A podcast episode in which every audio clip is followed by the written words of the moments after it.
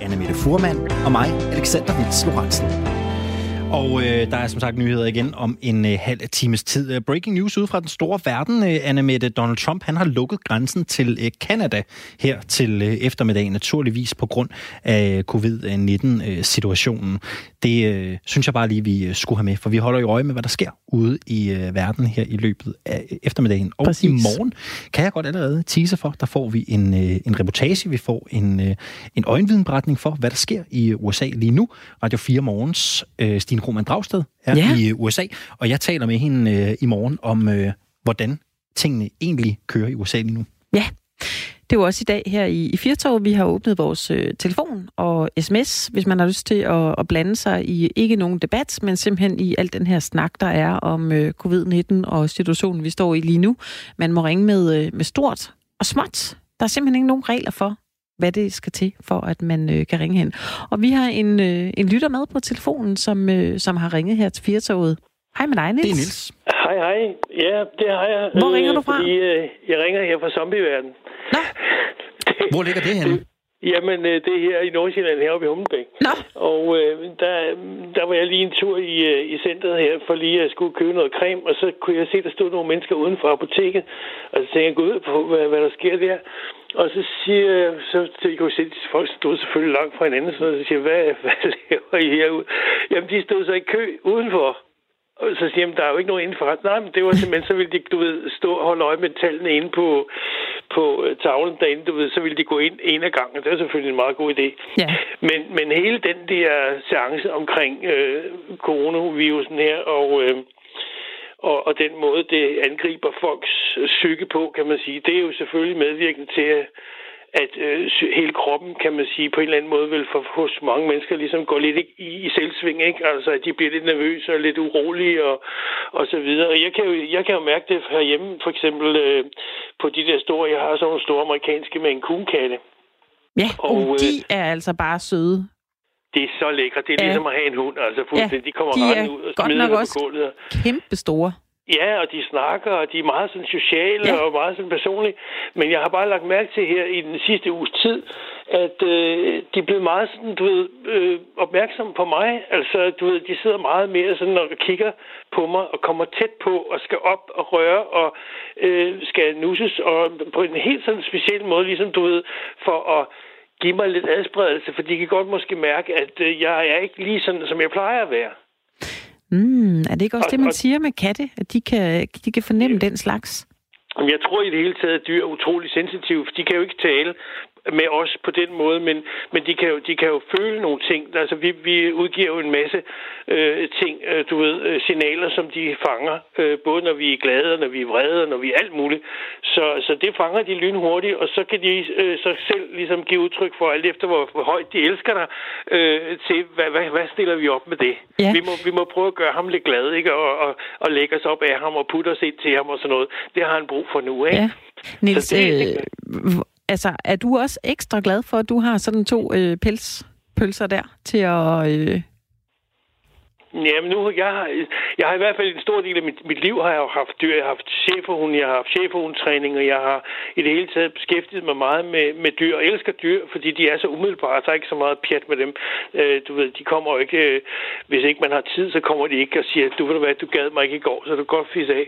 Øh, der er ikke det der med dyr. De er sådan meget umiddelbare tager bare imod og har, er fyldt med kærlighed og, og nærvær, hvis man behandler dem ordentligt. Ikke? Så, så, så jo, for mig, der, der, der er det dejligt at have sådan et par bamser gående rundt, man kan, man kan hygge sig lidt ved at snakke med, så ja. man ikke er helt alene. Men jeg vil sige til det der med at være alene, at øh, en god idé, øh, synes jeg, det er, at øh, hvis man kan, øh, har et eller andet, man vil gå en tur, eller man har, vil cykle eller løbe, eller hvad man nu gør, øh, fordi det er rigtig godt for kroppen, at den ligesom får den der øh, tur, så den bedre kan slappe af, når man så kommer hjem, så kan man klare lidt igen, ikke? I stedet for, at man måske bare sidder i sofaen og venter på, at det hele skal gå, ikke? Ja. Niels, tusind tak, fordi du øh, ringede ind til os af Firtoget, og have en fortsat god dag. Og i lige måde til jer. Og hej. kattene fra os. Det håber jeg lige har noget at få med. ja. Øh, lige før, øh, eller i sidste time af tid, øh, firtoget, der havde vi en, øh, en lytter, der skrev ind og, øh, og sagde, at øh, han øh, synes, det var sikkert at være øh, bistandsklient, altså en af dem, der får kontanthjælp. Og så er der så en anden lytter nu, der har skrevet ind. Det er ikke okay at kalde de arbejdsløse sikre. Jeg har pt. fået to samtaler aflyst, eller måske udskudt grundet corona. En bliver dog afholdt via Skype. Der er ikke nogen, der taler om støtte til nyledige, der skal leve af og ikke kan leve af dagpenge. Øh, så den er her med øh, givet videre. Det er rigtigt. Og vores øh, indbakke bliver jo også øh, lidt brugt som øh, en åben redaktionsindbakke, ja. kan man øh, se øh, nogle steder. Tommy han skriver ind til, at jeg godt tænke mig at vide, hvor mange der ikke har hørt om covid-19. Kan I må finde ud af det? Og øh, vi er jo øh, meget åbne over for opgaver øh, for ja. lytterne her. Øh, det kan være, at det er noget af et researcharbejde, vi skal kaste os ud i der, hvis vi skal blive lidt øh, klogere ja. på, øh, på det. Anne Mette, nu taler vi jo øh, med Nils, øh, der har stor glæde ved øh, sine bamser, sine mandkunkatte, ja. som han har øh, derhjemme. Og det er jo dejligt, at man kan, øh, at man kan hygge sig med dem. Ja. For det der med at gå ud og hygge sig med andre mennesker, i hvert fald hvis der er mere end 10 øh, samlet på et sted, det kan godt blive en dyr affære. Fordi som øh, man måske har opsnappet her til eftermiddag, så er bødetaksterne nu på plads. Altså nu øh, er det blevet afgjort, hvad det kan koste at øh, bryde øh, denne her... Øh, denne her øh, forsamlings, øh, det her forsamlingsforbud. Og det kan koste 1.500 kroner. Det lyder bødetaksten på. I, øh, I Frankrig, der koster det noget, der svarer til 285 danske mm-hmm. kroner at bryde udgangsforbuddet. Men i Danmark, der koster det altså 1.500 kroner for de personer, der overtræder regler. Det oplyser Justitsministeriet her til eftermiddag. Aha. Og det, det er altså på en forsamling mere end 10? Ja, lige okay. akkurat. Mm-hmm. Og man får jo ikke, så vidt jeg har forstået det, får du ikke en bøde. Politiet kan øh, bede forsamlingen om at opløses, og hvis man gør det, jamen så er alt jo i orden. Men hvis man nægter at gøre det, ja, så kan man altså få den her bøde på øh, 15 100 øh, kroner, øh, mm. Anne Mette. Og det er jo øh, alligevel også en, øh, også en slags penge, må man sige. Især mm. i de her tider, hvor øh, det der med, hvad der kommer ind på kontoen i næste måned, for mange faktisk kan være lidt usikkert. Ja, det er meget usikkert for mange mennesker. Der er rigtig mange selvstændige, som øh, river sig i håret lige nu og prøver at lægge planer for, hvad de dog skal gøre, fordi man ved jo ikke rigtig, hvor lang tid det her det varer. Øh, arbejdspladser lukker ned, folk øh, bliver fyret. Desværre, sådan er det jo lige nu øh, for rigtig, rigtig mange mennesker, men øh, man må jo ligesom tage en, en dag ad gangen, for der er jo ikke nogen af os, der ved, hvor lang tid det her det øh, kommer til at vare. Hvis du har lyst til at øh, byde ind med noget her i øh, Firtoget, så kan du gøre det. Vores sms er åben den, øh, undskyld, du skriver R4, og så din besked, og så sender du den til 1424. Hvis du har lyst til at ringe ind til os, så kan du gøre det på 72 30 4444, 72 30 4444.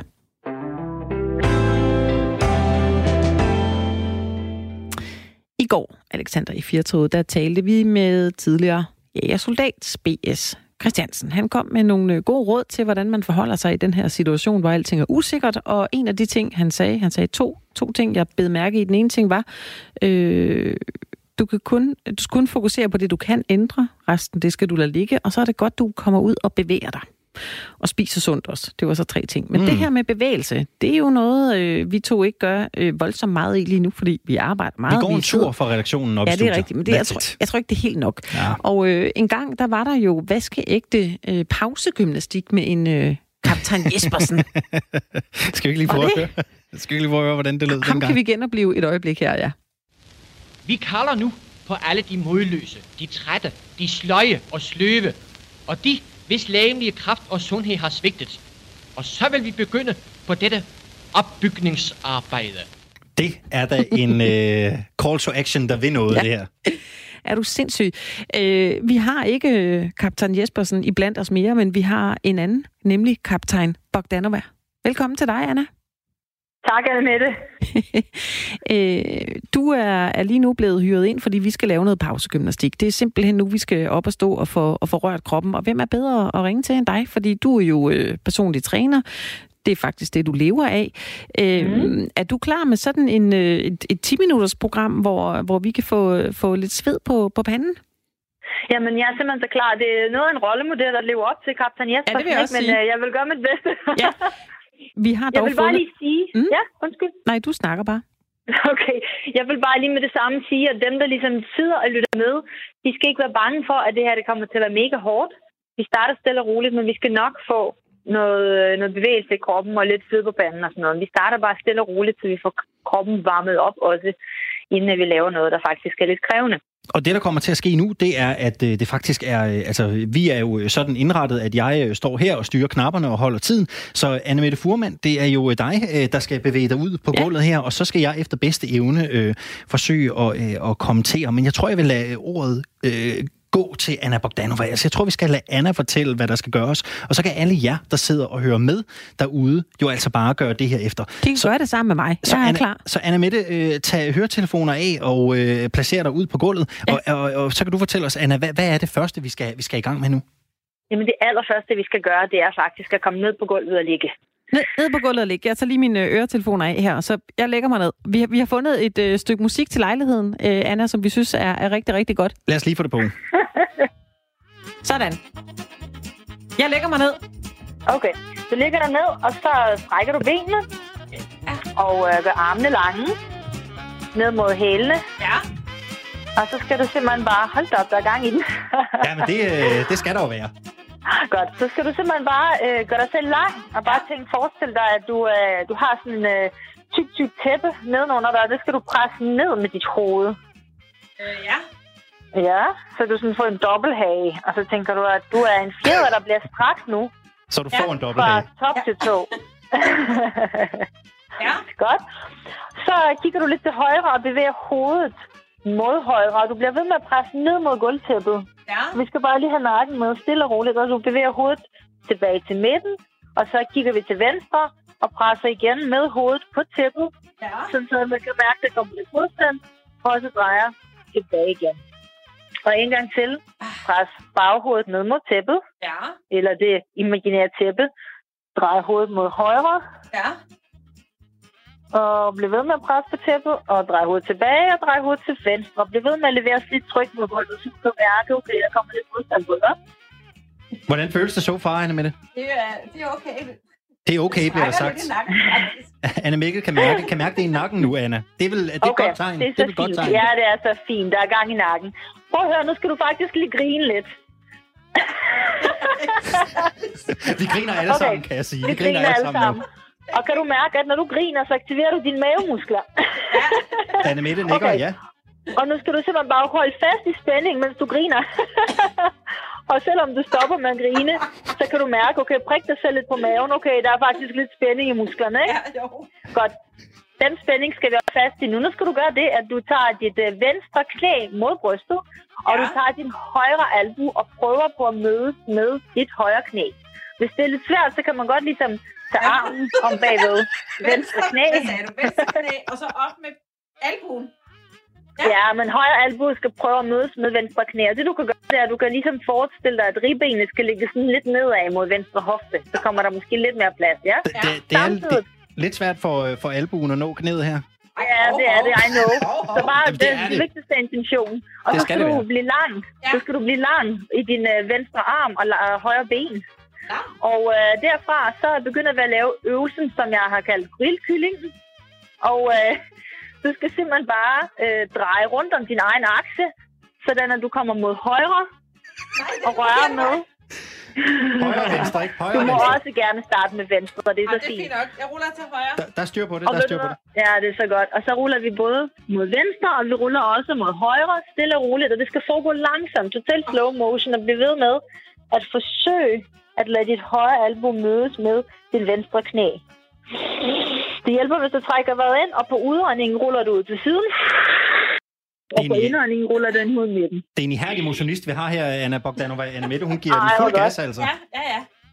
Det er faktisk lidt hårdt. Altså, tempoet holder vi lige nede lige nu, ikke også? Men vi Der skal er lige tempo med her. Der musklerne. er højt tempo her. Det er der sgu. Du, du, du giver den sgu gas, Anna Ja, Mette. det er lidt svært.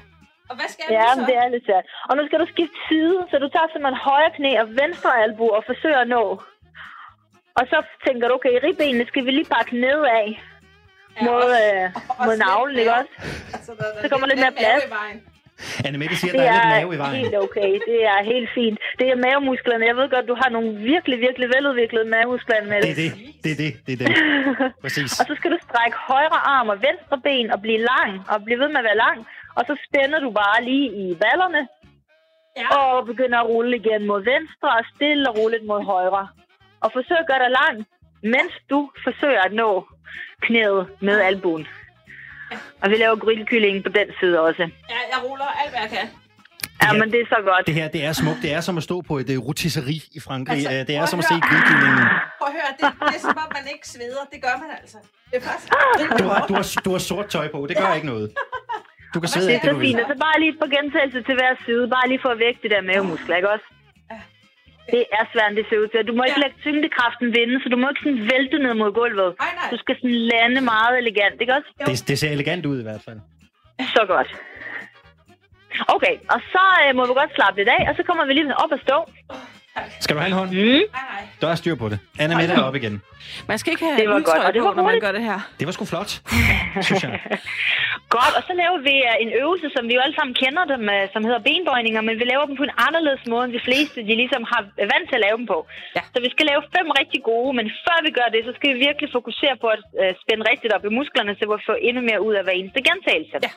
Så det du gør, det er, at du står lidt bredere end hoftebredden med dine ben, tæerne peger fremad, og så forestil dig, at du ligesom øh, skruer dine ben ned i gulvet, og fodsålerne, sådan, de slår rødder ned igennem gulvet. Kan du mærke, at du begynder at spænde? Fuldstændig. Jeg kommer i aldrig ud af nu. studiet her på Radio 4. Jeg Sådan, ned du i er det gulvtæppe. boret simpelthen ned i det gulvtæppe, yes. Yes. Og hvis det er svært at, sådan, øh, at mærke spænding omkring skinbenene og læggene, så prøv at løfte stortåen en lille bitte, bitte smule.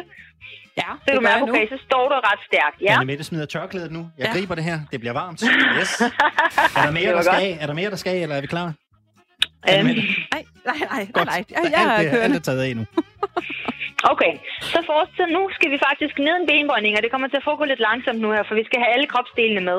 Du starter simpelthen med at tænke, knæene må gerne begynde at gå fremad, Ja, og du begynder at sprede ballerne, mens du begynder at gå nedad. okay. Og det går langsomt, vi er ikke nede nu. Du spreder simpelthen ballerne, det lyder mærkeligt, men prøv det. Og nu Er det- er det det man er kalder en skovskiderstilling her? Er det det? Ja, det er så. sådan. Og du øh, forestiller dig, at du får to appelsiner i haserne, og dem skal du mase saft ud af på vej nedad. Når du når bunden agtigt, før eller senere, så skal du lige øh, øh, putte dine albuer på indersiden af knæene, så du lige sådan genfinder stilling igen. Ja. Skubber knæene lidt ud af.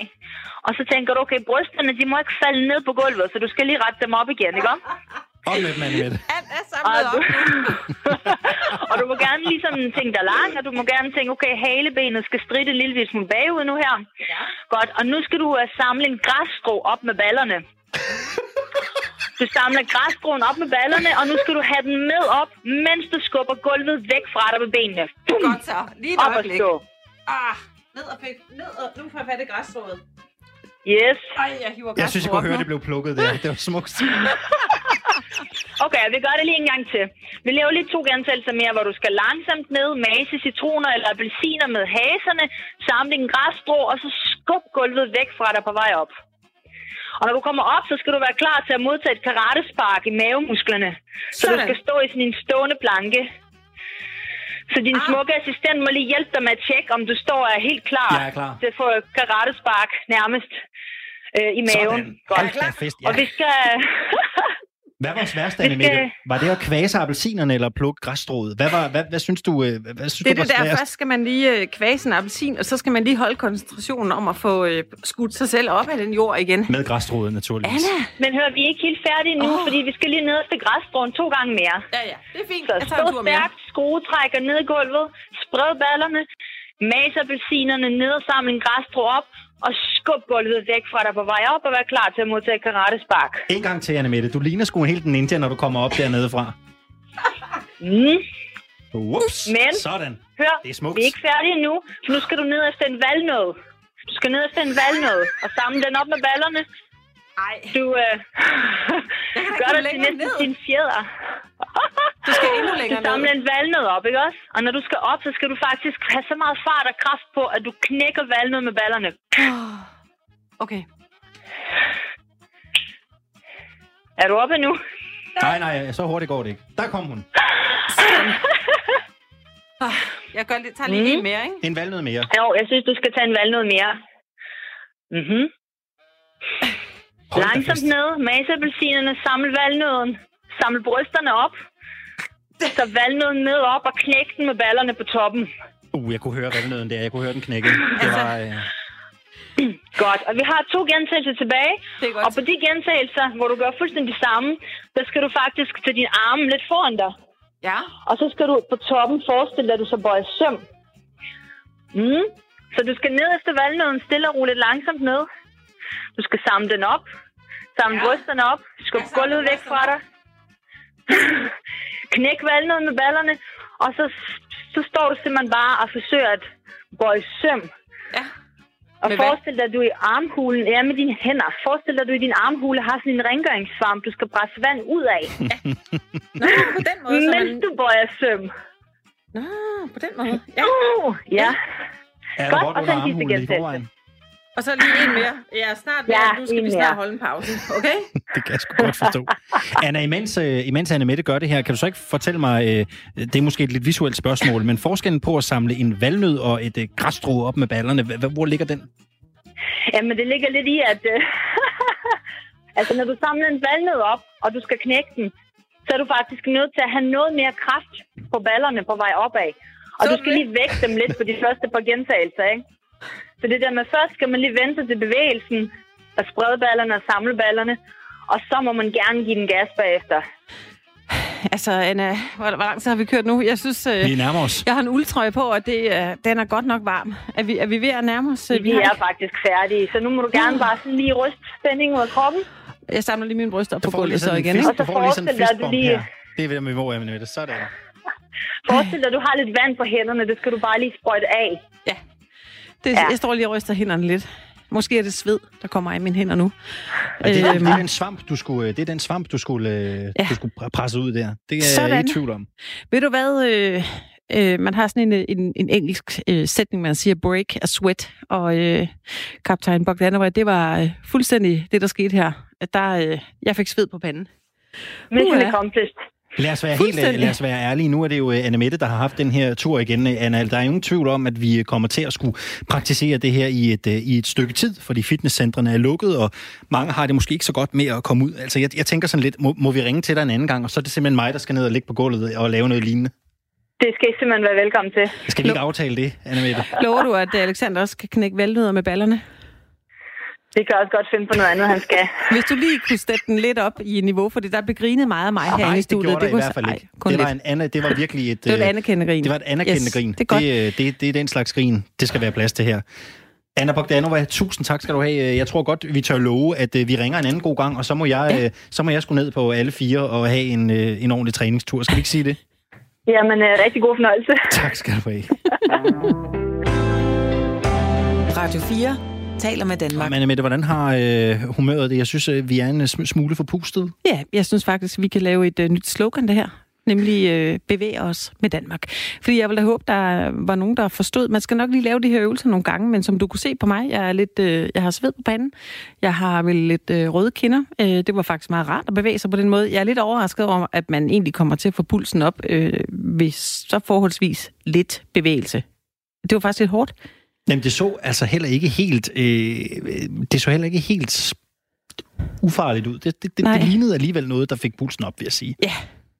Det er var du fantastisk. misundelig? Jeg synes, du skulle lave øvelserne, når du kommer hjem i aften, fordi du er en bagud nu. Ja, det, det er der sgu ikke nogen tvivl om.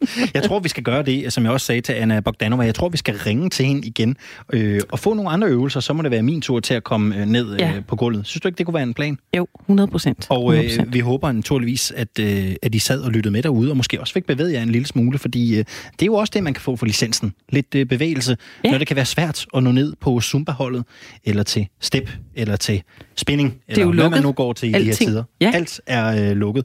Vi, det er ikke sidste gang, vi har hørt fra øh, Anna øh, Bogdanova. I øh, næste halvdel af vores sidste time her i Firtoget, Anna Mette, der skal vi øh, en tur ud i øh, museumsverdenen. Og det skal vi, øh, fordi at der jo heller ikke er mulighed for at komme på museum mere. De er jo Nej. også lukket ned. Men så er det jo heldigt, at der er rig mulighed for at sidde derhjemme og få en ordentlig en på opleveren på de danske museer, og også de internationale.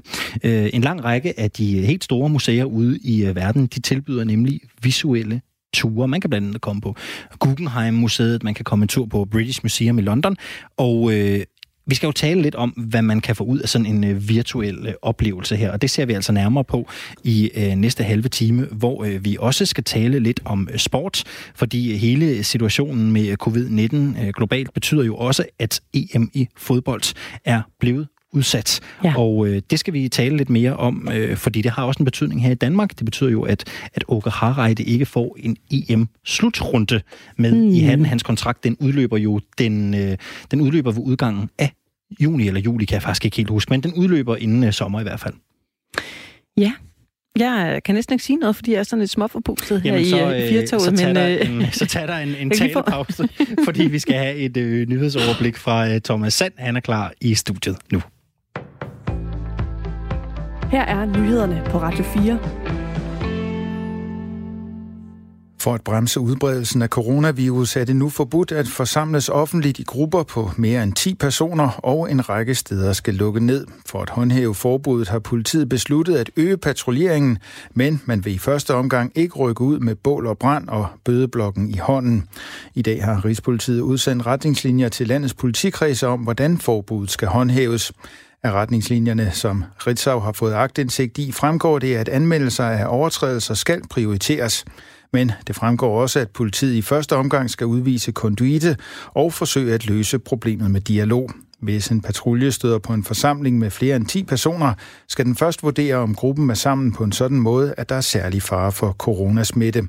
Ved vurderingen kan der for eksempel lægges vægt på, at personer står som sild i en tønde, skulder ved skulder eller på anden vis tæt sammen, om personerne befinder sig inden eller udendørs, og den udviste adfærd står der i retningslinjerne. I første omgang skal politiet opfordre de tilstedeværende til at forlade stedet. Hvis det ikke hjælper, skal politiet udstede et påbud om at forlade stedet, og hvis det ikke hjælper, skal de pågældende sigtes for at overtræde forbuddet. Ved arrangementer, hvor der er flere end 10 personer, skal politiet kontakte arrangøren og bede vedkommende bringe antallet af deltagere ned på 10. Hvis arrangøren ikke lovliggør arrangementet, skal politiet lukke det. Samme retningslinjer gælder for forretninger, restauranter, værtshuse, frisører med videre, der i strid med forbuddet holder åbent. Her skal indehaveren opfordres til at lukke, og hvis det ikke hjælper, vil stedet blive lukket af politiet, om nødvendigt ved brug af den fornødne magt. De skærpede restriktioner gælder i første omgang frem til 30. marts. Straffen for at overtræde dem er en bøde på 1.500 kroner. Sundhedsstyrelsen har hidtil gjort en særlig indsats for at forsøge at mindske smitte med coronavirus til ældre og personer med en række kroniske sygdomme. Nu bliver blikket også rettet mod spædbørn, oplyser direktør Søren Brostrøm. Sundhedsstyrelsen har opdateret sine retningslinjer. I den forbindelse oplyser Søren Brostrøm, at der er grund til at tro, at spædbørn også er særligt udsatte, hvis de smittes med coronavirus. Ny dokumentation tyder på, at hvis et spædbarn har været udsat for coronasmitte, eksempelvis fra moren lige efter fødslen, så er det en særlig risikogruppe. Så det har vi også præciseret, så vi også fanger dem, siger Søren Brostrøm. På Sundhedsstyrelsens hjemmeside kan man læse, at de særlige risikogrupper ud over spædbørn er ældre, især over 80 år. Derudover er personer med kroniske sygdomme og sygdomme, der enten svækker luftvejene eller ens immunforsvar, en særlig risikogruppe. Derudover har gravide hidtil været tilføjet for en sikkerheds skyld. Tidligere har Søren Brostrøm oplyst, at borgere må acceptere at blive indkaldt til fødsel på et hospital i stedet for hjemmefødsler. Det sker af hensyn til hygiejnen ved fødslen. Dansk klubfodbold er suspenderet på ubestemt tid. Det gælder Superligaen, første division og anden division. Det meddeler Divisionsforeningen i en pressemeddelelse. I forvejen var Superligaen sat på pause i to uger. Det skete for en uge siden. Nu er pausen forlænget på ubestemt tid. Og mange danske fodboldklubber oplever i disse dage med mange coronahjemsendelser, at folk fra deres lokalområde benytter klubbernes baner til at spille på. Men DBU opfordrer til, at man holder sig væk fra banerne og følger myndighedernes råd om at undgå store forsamlinger. Det skriver DBU i en pressemeddelelse. I løbet af i eftermiddag klarer det noget op fra nordvest, men i den sydlige del af landet fortsat skyde og lidt regn frem til i aften. Temperaturer mellem 7 og 10 grader. Du lytter til Radio 4. Mit navn er Thomas Sand. Der er flere nyheder, når klokken bliver 17. Du lytter til Firtoget med Anne Mette Furman og mig, Alexander Vils Lorentzen. Som naturligvis i de her tider handler rigtig meget om øh, coronavirus-situationen i øh, Danmark og udlandet. Og øh, Anna Mette, vi havde jo Melodi Grand Prix her i Danmark for et par uger siden. En lidt speciel affære med Rasmus Berg og Helle Juf som værter. Det var i Royal Arena. Ja. Det var lige da der var blevet erklæret forbud mod forsamlinger på mere end 100 personer. Og det betød jo lidt, at det var en, en lidt sjov affære med dåselatter og øh, klapsalver fra, ja. en, øh, Tom, øh, fra Tom Royal Arena. Ja, Men det var ikke så jo, godt. Nej, og vi fik jo dog alligevel vores, øh, vores danske øh, Melodi øh, Grand Prix. Men øh, de danske vinder, de øh, kan spejde et stykke tid efter at komme afsted til øh, den internationale affære, fordi Eurovision Song Contest, som skulle have fundet sted, det var i øh, Holland i øh, år. Det skulle have fundet sted i Rotterdam den 12., 14. og 16. maj. Det er altså blevet aflyst på grund af coronasituationen. Det var 41 lande, der skulle have været med. Mm. Øh, hvornår øh, det skal holdes igen, ja, det er der jo ikke rigtig nogen, øh, der ved noget om endnu. Men øh, nu er det i hvert fald helt sikkert, at det skulle, eller det bliver ikke til noget i, i den her omgang på den planlagte dato. Det er rigtig, rigtig ærgerligt. I dag faktisk, den 18. Øh, marts 1962, der vandt Frankrig det øh, europæiske Melodi Grand Prix i Luxembourg med den sang, der hed Om Première Amour, sunget af Isabelle Aubray. Og Danmark øh, endte på en del 10. plads med det her nummer, der hedder Vuggevisen. Hvad? Mm.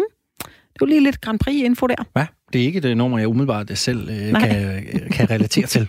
Hverken det ene eller det andet nummer. Det må jeg indrømme. Der er min, øh, der er min ja, Grand Prix-knowledge en lille øh, smule øh, udvisket. Det er det. Er du sådan en, der havde glædet dig til at se det internationale Melodi Grand Prix? Ja, det er, jeg skal se det hvert år. Altså, jeg er ikke sådan en uh, super fan af Melodi Grand Prix, fordi jeg synes, det er blevet lidt sådan, at alle numrene uh, lidt lyder som det samme, og det ved jeg godt. Alle dem, der er store fans af Melodi Grand Prix, de siger, at det gør det overhovedet ikke. Uh, men jeg ser det der for showets skyld. Jeg synes, det er uh, sjovt at se det her sådan, kæmpe store show. Det kan jeg ikke lade være med at se. Bare det for at sidde og, og kigge på det og tænke, hvad er det, der foregår nede på den her scene?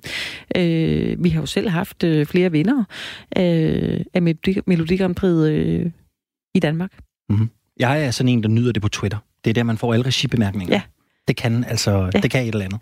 Men det kan noget, også da Jørgen og Noller stod der til det internationale Melodi Grand Prix og sang Fly on the Wings of Love. er du sådan en, der kalder guitar. det Fly on the Wings of Love, eller siger du smuk som et stjerneskud? Jamen, det svinger lidt. Det kommer an på, hvilket humør jeg lige er i. Nu sagde jeg lige på engelsk. Men, det lyder bedre. En ting er jo, at øh, det internationale Melodi Grand Prix er blevet udsat. Det blev givetvis afholdt på et eller andet tidspunkt. Noget andet er øh, de øh, ting, som jo i den grad får indflydelse på vores hverdag.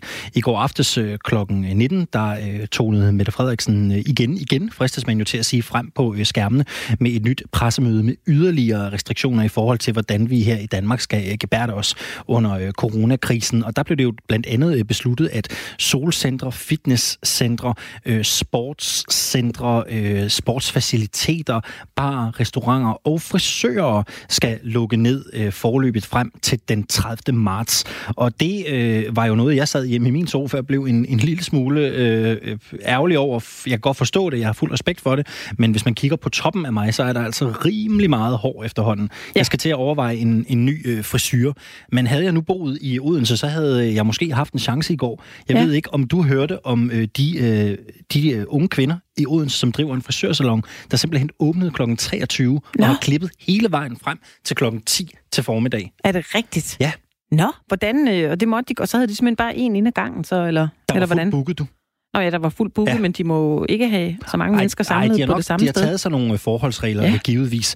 Men øh, ud fra, hvad jeg kunne øh, forstå, det er Danmarks Radio og TV2 Fyn, ja. der har besøgt dem, ja. så øh, var der altså fuldt booket hele natten igennem. De arbejdede jo så de skifter hold, ikke? Ja. Og øh, det har altså ikke knibet med at få kunder ind til en, øh, til en stusning eller en klipning. Der har været fuldt øh, booket frem ja. til klokken 10 her til formiddag. Men vi kan, vi kan også få nogle sjove forsyre at se, tror jeg, de næste par måneder, fordi vi ved ikke rigtig, hvor den her situation den øh, ender hen. Jeg, jeg har selv klippet et, et helt fritidshjem, altså øh, de mandlige medarbejdere. Øh, så du siger bare til. Det kan være, at vi skal åbne en frisørsalon heroppe på, på Radio 4, så kan man komme herind og blive, og blive klippet. Nej, det mener jeg ikke. Det kan Ej. man jo ikke. Men jeg kan jo du godt... Kan jeg kan klippe dig. Vi det ses hver dag, og det kunne jeg ja. godt tænke mig, hvis du har erfaring med at klippe får eller andre, der har tyk øh, beplantning, så kan du øh, roligt klippe mig også. Der er rigeligt at tage fat på. Men øh, husk nu, øh, altså jeg har haft Bundesliga-hår en gang i mit liv. Ja. Det, øh, det, det var ikke en succes. Jeg tror ikke, jeg kan bære det en gang til. Men ved du hvad, det hele det er simpelthen så mærkeligt lige nu, Alexander, så det kan være, at du skal have en rigtig mærkelig frisyr, bare sådan lige for at lave et statement lige nu. Ja, hvad ja. kunne det være? Det skal jeg lige overveje ind til morgen. Jeg skal lige stå og røre lidt ved det hår og se, hvad vi finder på. Det kan være, du ender med en lille permanent. Man ved det ikke. Eller en lille manbånd. Ja. Radio 4 taler med Danmark. Det er af fuldkommen indlysende grunde svært at kaste et øh, direkte øh, blik på øh, Andreas Mogensens rumdragt, Frederik den 3. kunstsamling og hvad de danske museer ellers måtte gemme på lige for tiden. I udlandet der har en række museer en digital løsning på de udfordringer, der nu måtte opstå i forbindelse med museumsbesøg. Virtuelle rundvisninger eller uddrag udstillinger, der er tilgængelige online nu, så man kan få en tur på museum, selvom man er coronaramt. Man kan blandt andet komme til Guggenheim-museet i New York eller British Museum i London. Men hvad er egentlig muligt på de øh, danske museer? Det kan vi jo øh, passende spørge dig om, Mette Boritz. God eftermiddag. God eftermiddag. Du er udstillingsproducent ved National. Ja, men vi kan tydeligt uh, høre dig. Kan du høre os? Det lyder dejligt. Det lyder dejligt. Perfekt. Ja, ja, øh, her i Danmark har vi da også nogle muligheder for at gå på museum, øh, selvom vi ikke fysisk kan være der. Øh, i udlandet der kan man gå ind på rigtig mange fantastiske hjemmesider, fra Smithsonian til Louvre osv., og, og se deres samlinger, men det kan vi faktisk også fra danske museer. Der findes øh, en masse ting lagt ud, blandt andet har Statens Museum for Kunst øh, øh, tilgængeliggjort det meste af deres samling, og ting, man normalt ikke kan se, hvis man går på udstilling, vil man kunne se øh, via nettet på deres hjemmeside. Øh, det gælder også en række andre kunstmuseer, og det gælder også øh, en, en del af Nationalmuseets samling. Hvad gør det egentlig for oplevelsen af sådan en udstilling her, at man oplever den virtuelt, i stedet for at gå rundt mellem øh, artefakterne selv på museet? Ja, det er jo selvfølgelig en, en helt anden oplevelse, fordi det at gå på museum er jo også meget det at være sammen med nogen og, og være fysisk til stede og opleve rummene og genstandene. Men omvendt så kan man jo, når man sidder hjemme, øh, få lov at gå i detaljer i, i nogle af de værker eller nogle af de genstande øh, eller fotos, som der også ligger rigtig meget af ude på museernes hjemmesider og, og altså studere lidt i detaljer. Øh, på Nationalmuseet har vi lavet en øh, særlig corona-side, øh, om man så må sige, hvor man øh, lægger nye små øh, webdocs ind, altså små historier og indhold og så videre, så man, man kan gå ind og orientere sig og, og få lidt historisk viden, hvis man bliver træt af at se for meget tv. Hvordan er de danske museer egentlig øh, generelt gearet til at formidle kunst og, og historie og, øh, og naturhistorie online? Altså, der er blevet gjort rigtig meget øh, for digitalisering øh, de senere år, netop fordi, øh, at man så kan tilgængeliggøre øh, museernes viden og samlinger på en måde, øh, så alle kan, kan tilgå den, også selvom man bor måske ikke lige i nærheden af, af det konkrete museum. Og der er virkelig mange sjove ting at gå ind og kigge på. Øh, for eksempel så kan man gå ind på Nationalmuseets samlinger online, og der ligger simpelthen så mange genstande og billeder og fotos, og nu man ikke kan rejse udenland, så kunne man jo gå derind og gå ind under en, øh, det kongelige danske geografiske selskab, og så kan man tage på rejse med tidligere tiders øh, eventyr og opdagelsesrejsen og se de fotos, de har taget rundt om i verden gennem tiden. Hvor kunne være et øh, godt sted at starte, når der nu til synligheden er øh, en række oplagte tilbud derude? Jamen, øh, tage øh, nogle af de store museer og gå ind og se, øh, hvad der er muligheder der. Øh, men også øh, mange af de mindre lokale museer har jo noget, som kunne være lokal interesse. Øh, hvis forældrene er, er helt øh, trætte og, og mangler noget, så er der masser af undervisningsmaterialer på de fleste museums, øh, museers hjemmesider, som man kan tilgå gratis og, og få lidt historisk input og viden eller små aktiviteter. Øh, og så er der noget, der hedder historiskatlas.dk. Øh, øh, det er et atlas, der lægger alt mulig viden ind øh, om Danmark i lokalområder. Så der kunne man jo også gå ind og kigge på sit lokalområde og se, om der var en spændende gravhøj, eller der var fundet noget særligt, eller der har været nedkastninger under 2. verdenskrig, eller lignende. Øh, så der er nok at gå ind og undersøge og, og kigge på. Mette Boritz, nu er du jo øh, som sagt udstillingsproducent ved Nationalmuseet. Det vil sige, du er en af dem, der har fingrene nede i materien, du har øh, hænderne nede i, i bolledejen, når det kommer til at fremstille udstillinger. Nu står vi i en situation her i Danmark, og vi ved jo ikke rigtigt, hvor længe den kommer til at vare ved. Hvad betyder det for øh, jeres arbejde med udstillinger på Nationalmuseet lige nu? Er det her noget, I går og, og, og tænker mere i, altså at udvikle de her digitale virtuelle tilbud i højere hastighed, netop som situationen ser ud nu? Vi tænker i hvert fald på at lave nogle, nogle aktiviteter, ikke nødvendigvis udstillingsmæssigt, men, men, men øh, simpelthen små webdocs og små historier og små film, så, øh, så øh, vi kan komme ud øh, og, og, og, og, og bruge vores viden i forhold til, til, til den danske befolkning, øh, og også lave noget, der forhåbentlig kan interessere. Øh, udstillingsmæssigt er det også noget, vi helt klart øh, tænker på fremadrettet. Lige nu øh, er vi alle sammen forhindret i at gå på arbejde, øh, men øh, så kan der jo være nogle kreative idéer, man kan sidde og arbejde på så længe. Ja, for jeg tror, at det, der er altså rigtig, rigtig mange Facebook-sider også med, øh, med kreative både børn og, øh, og voksne, som øh, tegner sammen, og der er nogen, der laver øh, noget træning sammen online. Øh, har I overvejet, hvis det her er en, øh, en længere periode, I måske kunne lave sådan en lille undervisningsportal øh, for alle de børn, der ikke kan møde op og, øh, og, have, øh, og have de kreative fag? Øh, helt bestemt en mulighed. Altså, der er jo øh, et væld af gamle lege og øh, sjove aktiviteter, øh, opskrifter osv., som man jo sagtens kunne få tiden til at gå med øh, i de her dage, øh, hvis man skal have tiden til at gå derhjemme. Der er masser, af, der gemmer, og derfor øh, er det helt klart noget, vi også øh, tænker over at, at, at tilgængeliggøre. Hvis man nu allerede har været forbi øh, de danske museer og i den virkelige verden, hvilke museer vil du så anbefale at lægge kursen forbi i den her øh, virtuelle udgave, når, øh, når man ikke lige kan rejse der til lige for tiden? Jamen, så er det nok, øh, at man så gå ind og, og se på øh, Statens Museum for Kunst, på biblioteket. Det kommer jo lidt an på, hvad man interesserer sig for. Øh, og Nationalmuseets hjemmeside, der ligger jo også meget øh, gemt under Nationalmuseet, som jo er en paraplyorganisation af 22 museer har vi. Så der er jo både noget for, om vikinger hos os, og der er noget om 2. verdenskrig. Der er rigtig, rigtig mange forskellige emner, man kan gå ind og, og få viden om og, og øh, blive klogere på. Nu er der jo øh, en del udenlandske museer, som jeg også var inde på i mit oplæg her, som også tilbyder det samme. Øh, blandt andet øh, Museum of Modern Art, MoMA, øh, Smithsonian, øh, der er øh, British Museum i London, og der er Guggenheim-museet i, i New York. Hvis vi sådan skal kigge lidt ud over de danske grænser, hvilke internationale museer vil du så øh, anbefale, hvis man nu er en rimelig habil museumsgænger i Danmark? Jamen, så vil jeg kigge lidt på øh, blandt andet MoMAs hjemmeside. Øh, Smithsonian er jo også øh, den amerikanske store øh, paraplyorganisation, øh, hvis man kan kalde den det, som jo har et væld af museer, og de har rigtig mange sjove ting også at gå ind og kigge på. Og en tur på Louvre kan man jo også altid underholde sig lidt med. Og så lad os få din egen personlige favorit her til sidst, Mette Boritz. Din anbefaling, din uforbeholdende anbefaling direkte fra hjertet, hvad skulle det være? Og den er svær. Øh, jeg har jo rigtig mange, men øh, lige nu, der vil jeg sige, altså, så synes jeg, det er meget, meget hyggeligt at gå ind på Københavns Museer, øh, Københavns Museum og se på gamle fotos øh, fra København øh, gennem tiden, nu man ikke så meget kan bevæge sig rundt. Øh, og Nationalmuseets samlinger online har også en fantastisk øh, gruppe billeder af en gammel hoffotograf, som viser tiden i slutningen af 1800-tallet og starten af 1900-tallet, og det er virkelig nogle sjove billeder. Mette Boris, øh, udstillingsproducent ved Nationalmuseet. Tak fordi du var med her i Firtoget. Ja, selv tak. Annemette, jeg tror, at vi har talt om det her før. Der er fodbold. Øh, ja, så siger jeg bare en ting, og det er EM92. det er sådan det, jeg husker aller, aller bedst at have øh, en relation til. Ellers høre, ikke du, rigtig så meget prøv, andet. Du bor i Vejle. Har du ikke, kan du ikke høre jeg ser tit nede fra stadion? Ja. Altså, her møder jeg dig på gaden.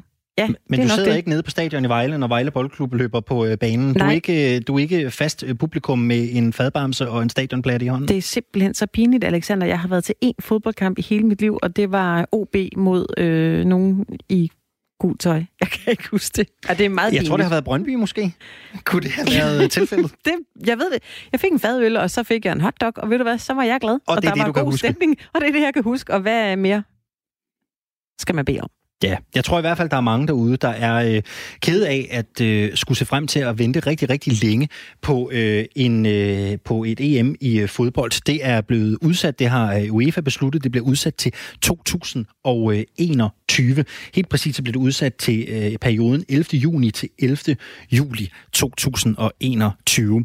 Og det betyder jo også, at øh, Åke Harreide, som jo øh, stopper som øh, landstræner for det danske landshold her til sommer, han altså ikke får øh, sin øh, EM-runde med. Det må han simpelthen øh, sige farvel til. Og det er jo sådan noget, Anne Mette, man som landstræner jo ja. gerne lige vil slutte på. Det forstår jeg. Selvom jeg ikke har forstand på fodbold, det forstår jeg godt.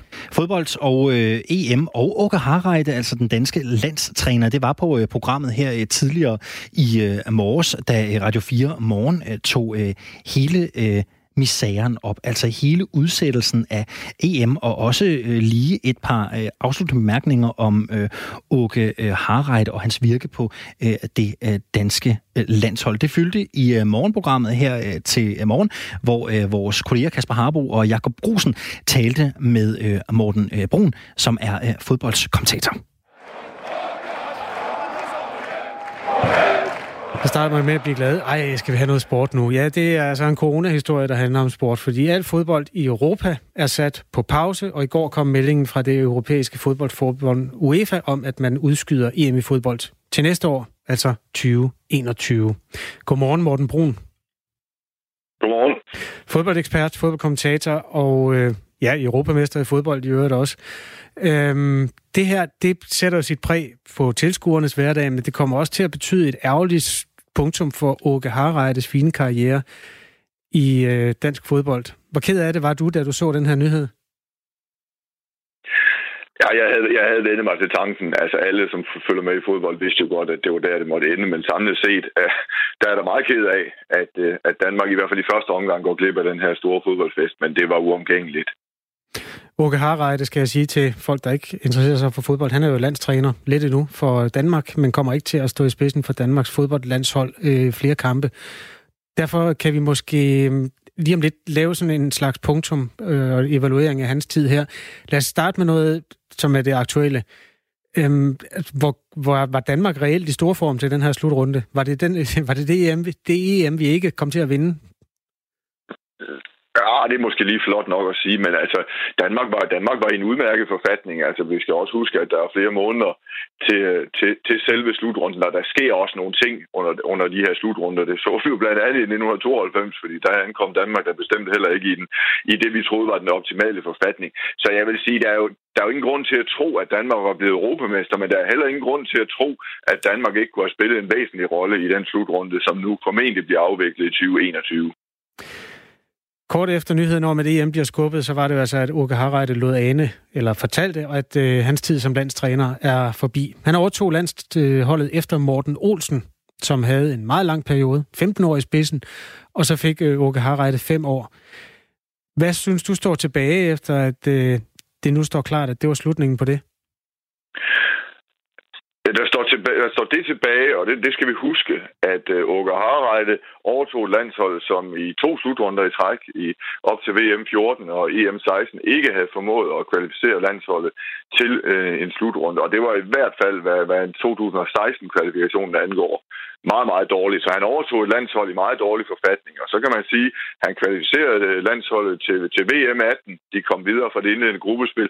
Han sikrede faktisk også i parentes bemærket en oprykning fra, fra Nations League, og så kvalificerede han også landsholdet til EM-slutrunden her, her til sommer. Så Altså resultatmæssigt har det været en, øh, en formidabel øh, tid med, med Åke Harreide, men, men, men den store forløsning, den store forløsning, den, den kommer jo aldrig til, den kommer han jo aldrig til at, til at få mulighed for at give os, fordi det havde været et, øh, et, en EM-slutrunde 2020, hvor det hele ligesom skulle, skulle kulminere for, øh, forhåbentlig, og i forhold til, hvis Åke Harreide sådan skulle, skulle have markeret sig med flammeskrift som dansk landstræner, så skulle det have givet os en videre adgang for gruppespil, og måske endda en kvartfinalplads. Så, så var Åke Harreide blevet en landstræner, som, som vi vil huske endnu om, om 30-35 år.